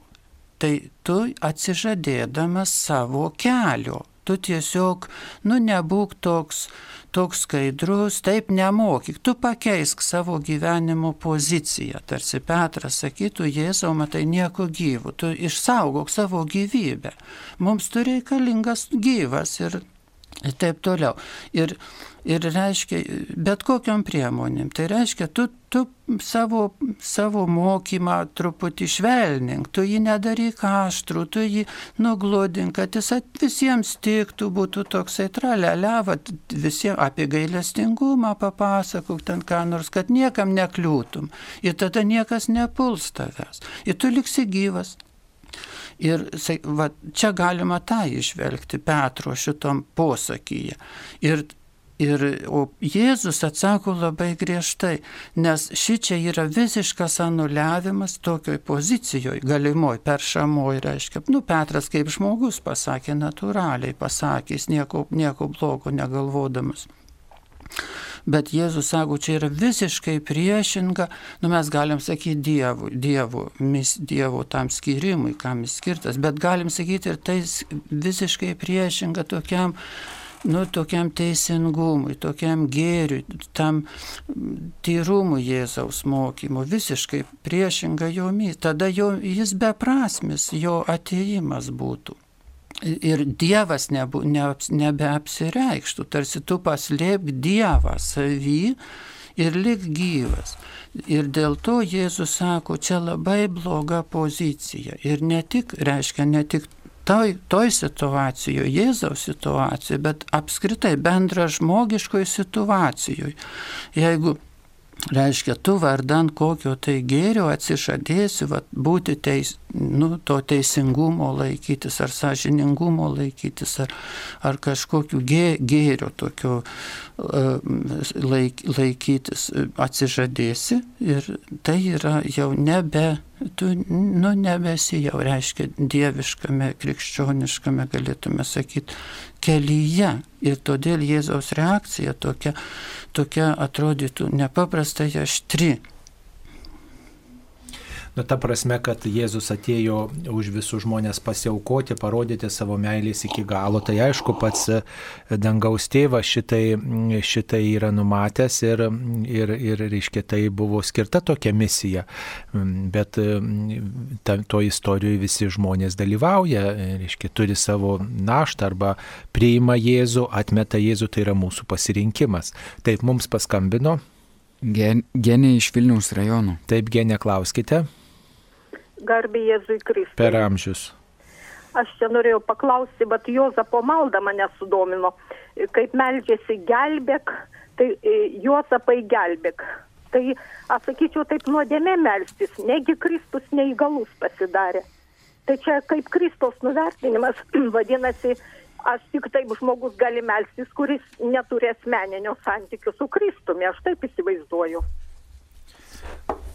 Ne, truputį netaip yra.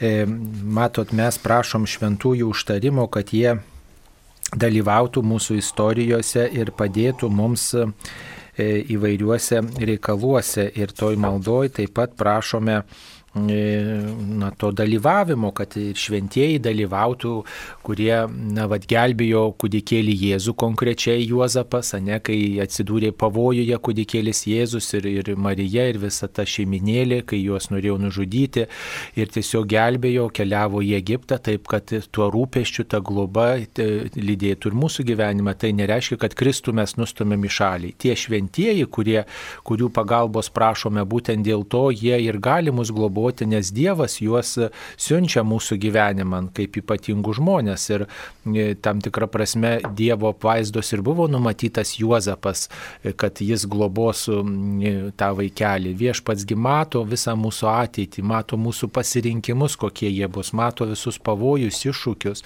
Ir jis tiesiog kreipia į gerą mūsų istoriją, mūsų gyvenimą va, ir laukia mūsų atsako bendradarbiavimo. Tai, tai ir šventųjų prašom, kad jie būtent darytų tuos e, ženklus mūsų gyvenime, tą globą, solidarumą parodytų būtent per Kristų. Šventuosius ir gerbėm dėl to, kad jie buvo ypatingi viešpaties mylėtojai, kad jie ypatingai mylėjo viešpatį ir jie dėl Dievo visą savo gyvenimą paskyrė. Tai jeigu ir jų gyvenime įvyksta kokių ženklų, stebuklų, jeigu ir jie gali kažką, tai gali būtent dėl to, kad Dievas jiems tai leidžia. Dar žiūrėkit, tas žodis gelbėk yra ir, pasakykime, ugnegesiai gelbėtojai. Yra mūsų būti, reiškia, mes galim kreiptis kaimynė pas kaimynę atbėga, sako, gelbėk kaimynę, žinai, nu, druskos neturiu ar kas nors tenai, gelbėk. Tai mes būti, vat, savo, savo žemiškam gyvenime turim, kas mums pagelbėja, kas mus išgelbėja mažuose ar dideliuose dalykuose. Tai čia nereikia taip suabsoliutinti, kad čia tik tai Dievas. Dievas veikia per žmonės ir, ir kuo daugiau Dievas viešpats pasitelkia talkininkų, tuo mes labiau tą nevienišumą išgyvenam. Juk ir Dievui pakanka garbės, jis, jisai pats savo gali būti pakankamas, bet yra angelai, kurie jį garbina, reiškia, yra tam tikra bendrystė, yra tam tikras, tam tikras toks šeiminiškumas, jeigu taip sakome. E, va, pats Dievas yra švenčiausioji trejybė. Nu, trys asmenys. Tai, tai ir, ir mūsų gyvenime tie šventieji nėra kažkoks čia konkuravimas su, su, su Dievu, bet yra Dievo galybės pasireiškimas įvairiuose žmonėse. Taip, dar vienas toksai mm, su prietarai susijęs klausimas. Teko girdėti, kad onkologiniai ligonys remisijos būklėje keičia savo vardą, taip pat grįžę, nuteistieji ir iš priklausomybių pasveikę. E, Taip pat senesni žmonės atmena, kad sunkios lygos metu vaikus perkrikštydavo kitų vardu. Kokia jūsų nuomonė? Tai prietaras toksai dalykas. Paprastai tas vardas, jeigu jis kitas pasirenkamas, tai nėra atmetamas senasis. Jeigu, pavyzdžiui, mes sutvirtinimo metu priimam kitą vardą, bet mes netmetam senojo, kaip ir, pavyzdžiui, popiežius pradėdamas tarnystę pasirenka kitą vardą, bet jis netmeta senojo. Tai yra tapatybė išlieka ir jis tiesiog gauna tam tikrą misiją ir tą misiją ženklina pasirinkdamas kažkokį e, pirmtaką, kurio misija tęsia, arba šventąjį, kurio, kurio bruožai atsispindi jo pontifikate. Taip pat ir, ir, ir jeigu vienuolynas, vienuolynuose, reiškia, kai kurie turi tokią tvarką, kad pasirenka e, po amžinųjų įžadų sesuo ar brolis tam tikrą vardą, bet jis netmeta senojo, tiesiog tai yra tesiama naujų būdų ta tapatybė. Tai perkrikštyti tikrai nu, nėra prasmės ir krikštas yra neatšaukiamas. Jeigu, iškiek krikštų esu pakrikštytas, galiojančių krikštų, tai jau perkrikštinėti nėra prasmės ir tiesiog negalioja tas, tas veiksmas, kuris atliekamas, taip galima pasakyti. Ir, ir tai būtų tikrai prietarų sritis, jeigu prasideda naujas gyvenimas, ar po priklausomybės atmetimo, ar, ar po bausmės atlikimo, ar, ar, ar po sunkios lygos, tai tiesiog nu, mes na, kitų būdų galbūt tą, tą naujo gyvenimo etapą įvardinam, prieinam iš pažinties, atsiprašom artimųjų, tiesiog pakeičiam gyvenimo vietą, pakeičiam gal savo profesiją, bet tas vardo keitimas na, neturėtų pasižymėti kažkokiam apieigom. Kartais vardą pakeičia žmonės, nes tiesiog jiems yra negražus ar ten kažkoks, nu, dėl kažkokių kitų priežasčių, bet krikštas sakram, kaip sakramentas, jisai yra neatšaukiamas ir galiojantis, nesvarbu, kad aš ir atmeščiau tikėjimą. O mano gyvenimo virsmas tikrai krikšto neatšaukia ir, ir tas vardas nu, visam gyvenimui. Aišku, būna, kad žmonės keičia vardą, keičia pavardę net ir dokumentuose dėl įvairių priežasčių, kad kiti taip vadina arba kad jam gražiau naujas vardas, bet e, tai yra na, toks sutartinis dalykas, bet sakramentas, tai suteiktas sakramentas, tai galioja visam gyvenimui. Čia apie naują gyvenimo kokybę gal ta, ta tema labiausiai galėtų, nu, prasmingai tai būtų suvokta. Reiškia tas, kad mes pakeisim vardą, tai čia iš tikrai nieko tas nekeičia. Bet jeigu gyvenimo kokybę pakeisim, tai va čia bus, reiškia, eisim į, į tokį pilnatvinį žmogiškumą ar tokį atsivertimą į Dievą, pakeisim savo vertybinės nuostatas tai tas vardas, kaip sakytume, toks ar kitoks. Va čia yra esminis dalykas, kad tapk kitu, tapk nauju, tapk brandesniu, atsakingesniu. Tapk naujų žmogum, tai tas tikrai, jeigu serga žmogus ir jis vat, prie mirties, mirtis pažiūri į akis ir ir žmogus kitaip gyvenimą pradeda vertintis, tampa naujų žmogum. Tai va čia didžiulė prasme yra. O manipuliuoti taip, kad žinai, o dabar būsiu naujas, bet iš tikrųjų tas pats lieku. Tai jo. Taip, dabar mm, turime skambutį. Skambino Petronėlį iš Marijampolės. Taip, Petronėlė, klauskite. Aš prašyčiau, kad paaiškės, kodėl nėra privalomos tikybos pamokos mokyklose. Taip, kodėl nėra privalomos? Nu, privalomos nėra todėl, kad žmonės e, pasirenka. Tėvai pasirenka arba pasirenka patys vaikai lankyti etiką arba lankyti tik, tikybą, mm, kaip dabar vadinama tos pamokos, tikybos pamokos. Tai e, privalomas, matot, e, negali būti todėl, kad reikia paisyti žmogaus pasirinkimo šitoje vietoje. Ne? Tikėjimas yra pasirenkamas dalykas, atsiliepiama šitai, nėra privaloma, kad dabar jūs visi būsite tikintys. Mes mm, pasirenkam, tėvai gali, reiškia, vaikus mokyti vertybius. Ir jie turi mokyti tų vertybių, kurių patys laikosi, perteikti tos, tos principus, bet mokykloje jie pasirenka, taip yra tokia, tokia tvarka galiojanti. Nes privalomų būdų, žinot, kaip sakyti, nei mylimas nebūsi, nei, nei, nei krėsim tam žmogui, kurio, kuris negauna šeimoje tos dovanos, kurios neperteikia tėvai, ne, artimoje aplinkoje to nėra, tada labai sunku tas žinias kažkaip tas vertybės nuostatas įdėkti mokykloje. Tai būtų mitas turbūt svarstyti, kad jeigu įvestume visom klasėm privalomą tikybos mokymą, tai visi pasidarytų tikintis. Jeigu e, šeimoje tėvai dėgia tas vertybės ir tai ne visada vaikai na, priima ir gyvena taip, kaip moko tėvai, tai ką kalbėti reiškia tas privalomumas duotų. Tai nėra žinių dalykas, mato, tai yra santykio dalykas, patirties dalykas, pasirinkimo, apsisprendimų, gyvenimo dalykas, kuris na, šeimoje iš pavyzdžio įmamas dažniausiai, o, o, o čia mokykloje tik tai sustiprinama, pagilinama ta, tie, tie principai. Be to susidurėma dabar ir su didžiuliu tikybos mokytojų trūkumu. Iški gerų tikybos mokytojų tikrai trūksta ir jų labai reikia ir, ir, ir na, tikrai tikybos mokytojams nėra lengva perteikti tikybą, perteikti tas tikėjimo nuostatas mokyklose. Taip.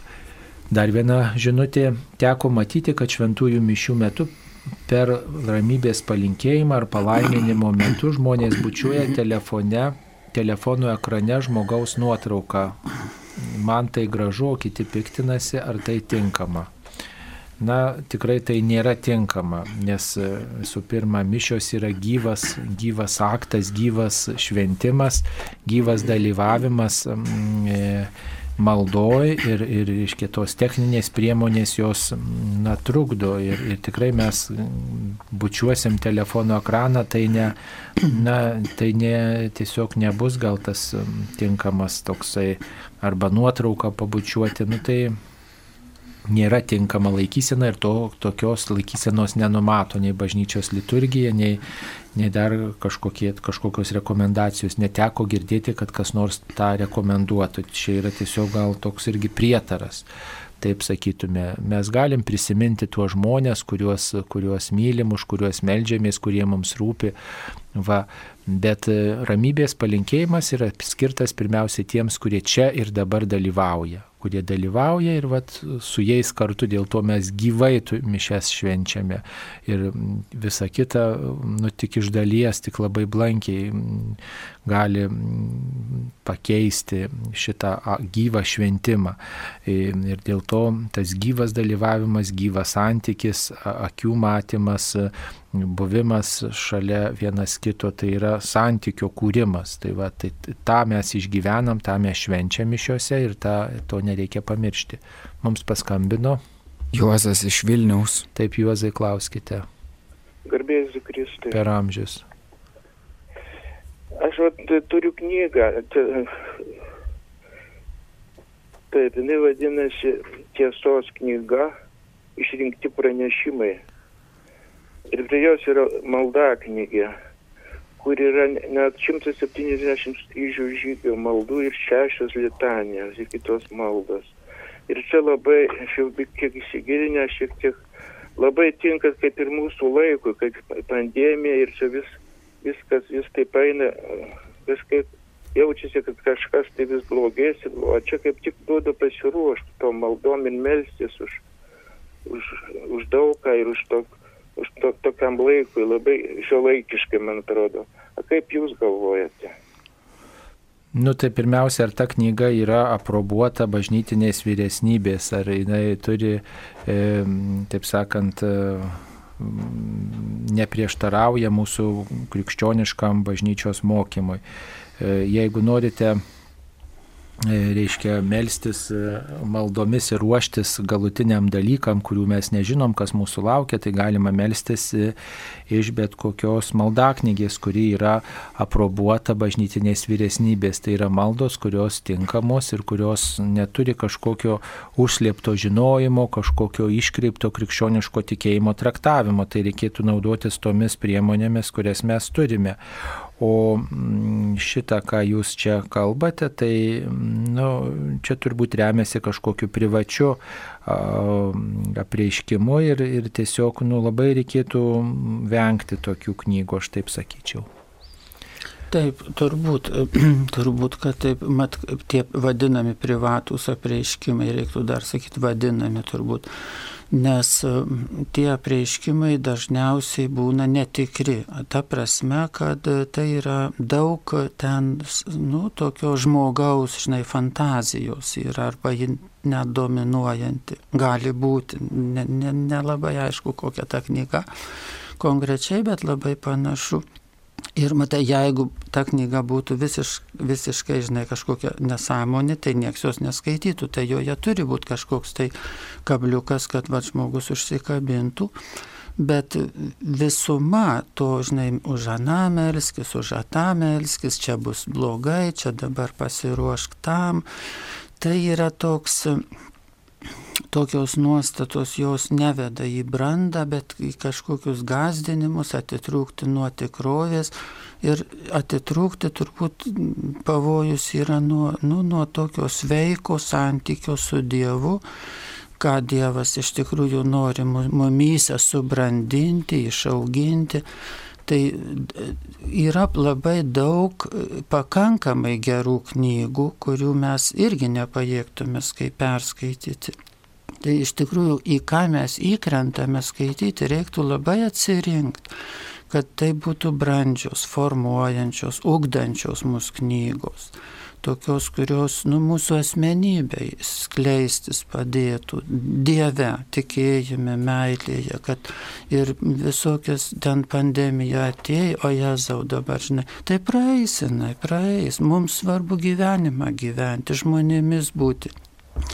Ir, ir tas, vat, kaip, kaip atsirinkti, nu, gerai, reikia va, pasiklausti, reikia pabendrauti, reikia ir, ir nu, mokėti ir tai priimti, kad gal, žinai, gal yra gerų dalykų. Ten be abejo, kad ten yra gerų dalykų toj knygoje, bet daugelį, žinai, šiukšlinų dalykų yra kažkoks gėris, bet, bet visa visuma, ji ji klaidinanti gal dažnai vat, būna ir mums, kaip sakant, mūsų gyvenimas toks trumpas, kad mums reikia labai, labai išmintingą lektūrą pasirinkti. Nes, e, nu, kaip vokiečiai sako, žmogus yra ta, ką jis valgo, ką jis skaito, reiškia, ką mes skaitome, tuo tampame.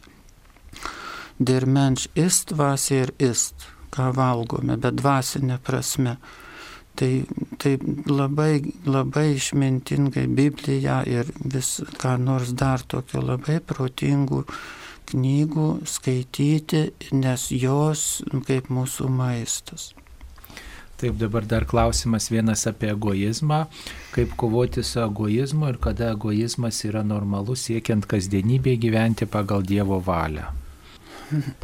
Nu tai tą savoką visai galima, žinai, interpretuoti tą žodį ir, ir aišku, jis visų pirma egoizmas toks kaip neigiamas savoka, suvokiama, kad čia, kai sakome e, egoizmas, tai tokį turim tą neigiamą dalyką. Bet išklausėjo, kaip sakytume, jo leksikono, tai čia lyg teigiama prasme, tokia savęs meilė tada. Čia turima galvoj, kad kada save, kiek save teisingai mylėti. Tai čia yra ir išmintis tokia žmogiška, kad reikia rūpinti savim, reikia mylėti save gerbti save, padrasinti save, pamatyti, kas gero mumyse, kad mes nu, nebūtume sugniuždyti. Ir labai gerai, jeigu turim artimųjų, kurie mus padrasina ir pamato, kas gera. Ir mes pamatom savo artimuosiuose, kas gero juose yra. Ir tą pasakom, kad žmogus ir išgirstų. Tai tas e, tas reiškia, kadangi Dievas mus myli, Dievas mus myli, tai dėl to yra pagrindas mums save mylėti. Ir mylėti taip, kaip Dievas myli, o nemylėti taip, kaip Jis nemyli. Ir reiškia tas, kas yra egoistiška, kas yra, kad aš noriu, kad man būtų arba man būtų daugiau negu kitiems, man geriau būtų negu kitiems, tai tada jau, jau tada toks signalas, kad nor, reikia norėti, kad visiems padėti vat, kitiems, kad e, kažkaip tai, kiek galime, kiek pajėgiame, kaip pajėgiame, e, padėti, kad visiems žmonėms būtų gerai. Tai čia turbūt sąžinė turbūt reikėtų, kad nurodytų vis dėlto mūsų vis tiek kažkoks principas, kad turiu tarnauti kitiems žmonėms yra svarbus mūsų gyvenime. Kiek aš galiu skirti artimo meiliai, pagalbai kitiems žmonėms. Dar vienas klausimas, kaip suprasti, kas yra Dievo valia kiekvieną dieną. Mintis ir ilgesys labai stipriai veikiami psichologinių veiksmų.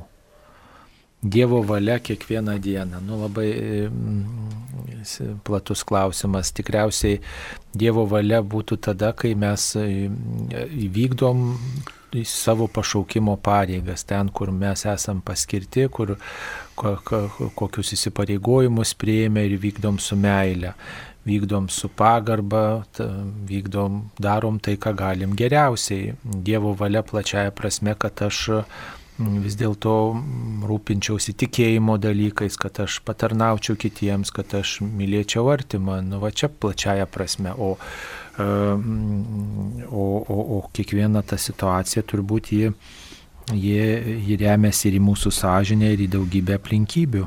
Dievo valia dar Biblija sako Dievo valia, kokia ji. Ji yra mūsų šventėjimas. Dievo, štai kokia Dievo valia šiandieną. Galime taip, nu, supaprastintai, bet ir labai giliai pasakyti. Šiandien Dievo valia jums, kad jūs šventėtumėte. O tai reiškia, kad būtume truputėlį geresni arba kad stengtumėmės būti truputėlį geresni, truputėlį arčiau Dievo galėtume gyventi, tru, su truputėlį didesnė Dievo meilė ir artimo meilė. Tai galima sakyti, va čia die, Dievo valia yra. Taip, e, e, kaip atpažinti Dievo ženklus ir jų nesutapatinti su prietarais, kokie tie Dievo siunčiami ženklai.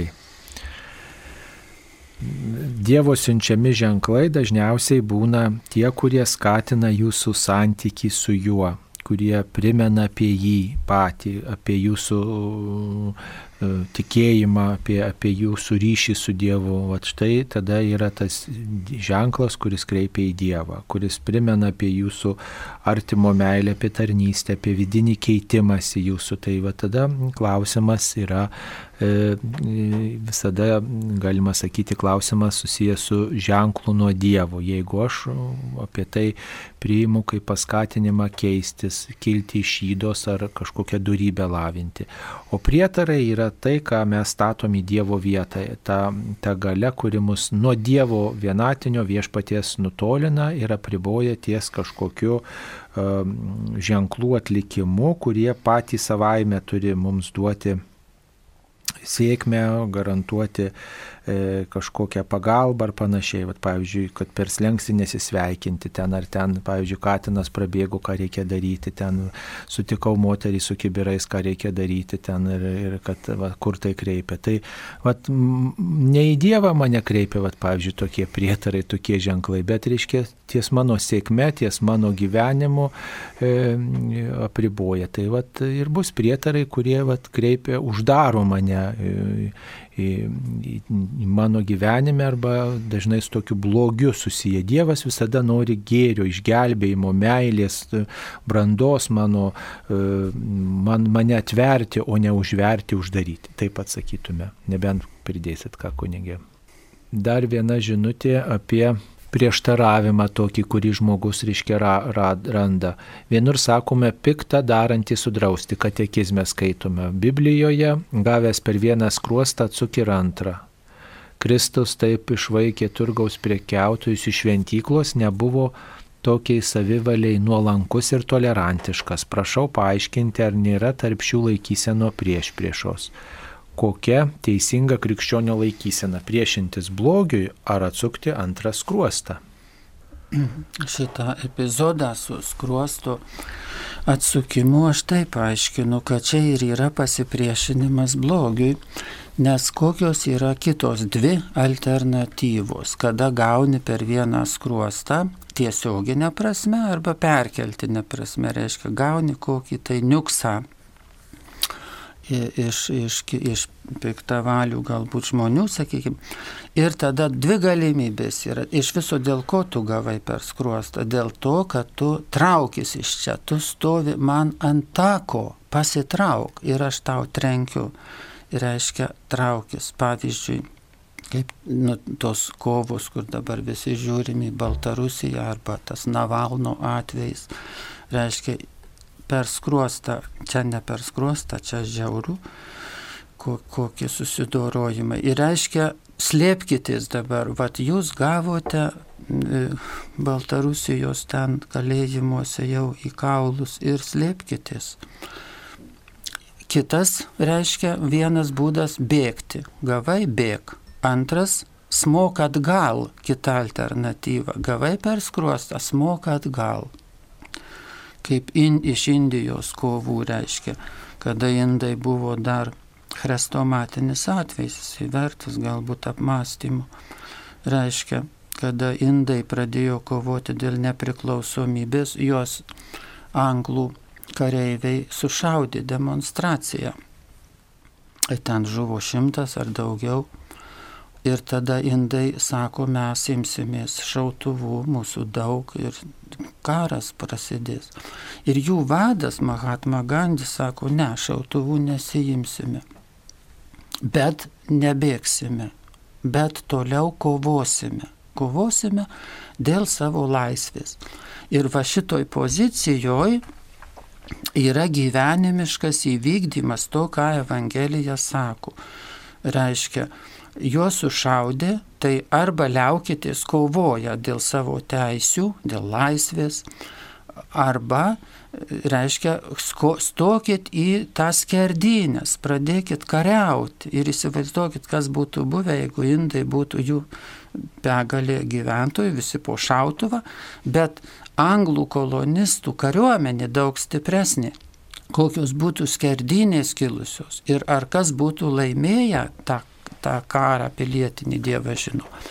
Bet e, Mahatma Gandhi, kuris buvo, kaip jis sako pats, aš perskaičiau Bibliją, viską man labai patinka Biblija, bet aš lieku hinduistas, dėl to, kad, nu, taip toliau nesigi, tą praleiskim, bet reiškia jisai, pas, aš sakyčiau, jisai pasiūlė ir ką e, vėliau Martinas Liuteris Kingas, jaunesnysis, jisai, reiškia, pasakė, kad jis matė, kaip jis mokėsi iš Mahatmos Gandžio, kaip atsukti tą skruostą, ką tai reiškia.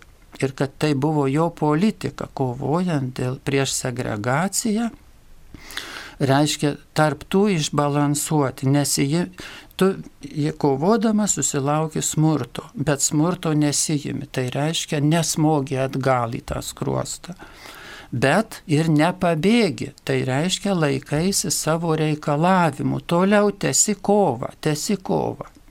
Tai štai ką reiškia, aš ir čia, ir Mahatmos Gandžio tas pavyzdys, ir Martino Liuterio Kingo tiesiog įvardinta, kad jisai sako, aš maniau, kad šitas nu, epizodas yra būtinis. Nu, va, reiškia, namuose ten du broliai ar dvi seserys susipyko, ar vyras su žmona, vienas paukšpė. Ir va čia būčiai pasakyta.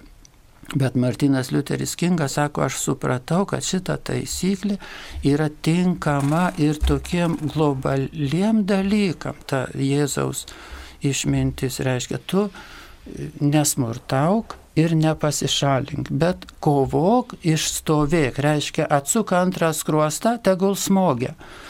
Ir tu laimėsi. Ir tada tas, kuris smogia, jis, jis pralaimės, nes čia yra tikroji stiprybė, kad tu nesijimi smurto ir tu nepabėgi. Bet tu sakai, aš nebijau, prašau, nebijau ir aš nesitrauksiu, nes aš supratau, kad, nu, aš stoviu dėl teisingo dalyko. Tai, tai va čia toks ir atrodo, kad ir išsisprendžia tada ta, tas tariamas toksai prieštaravimas.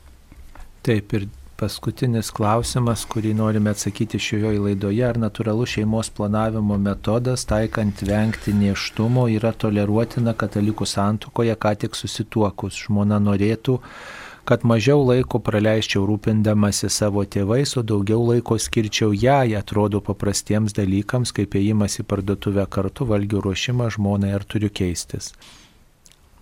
Tai natūralus šeimos planavimo metodas taikomas katalikų santokoje tikrai yra galimas visada turbūt, visą laiką, tik tai reikia abipusio turbūt sutarimo tokio su žmona.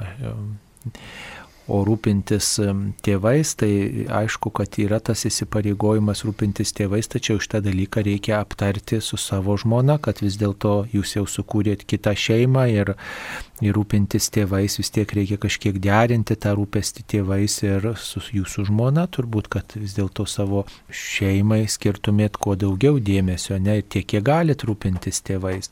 Tas paprastų valgio ruošimas, įėjimas į parduotuvę kartu, tai yra bendrystės kūrimas. Ir dar vienas pasteiravimas, klausytojai teiraujasi, kokioj bažnyčioje kunigauja, kokioj parapijoje profesorius kunigas Romualdas Dulskis. Tai turbūt aukojat mišes Kauno arkikatedrui bazilikoje, taip? Taip, aukoju mišes arkikatedrui bazilikoje, prašau. Kauno arkikatedroje bazilikoje. Taigi ačiū kunigui Romualdui Dulskiui, kuris domisi kumenizmu, rytų ir vakarų krikščionybės dvasingumo teologija, pašaukimų teologija, religijų dialogu, sinologija, hagiografija, menotyra ir kitomis meno sritimis ir įvairiomis sritimis. Ačiū, kad atvykote į laidą, atsakinėjote klausimus ir taip pat prie mikrofono buvau ir aš, kuningas Saulis Bužauskas. Ačiū sudė. Ačiū.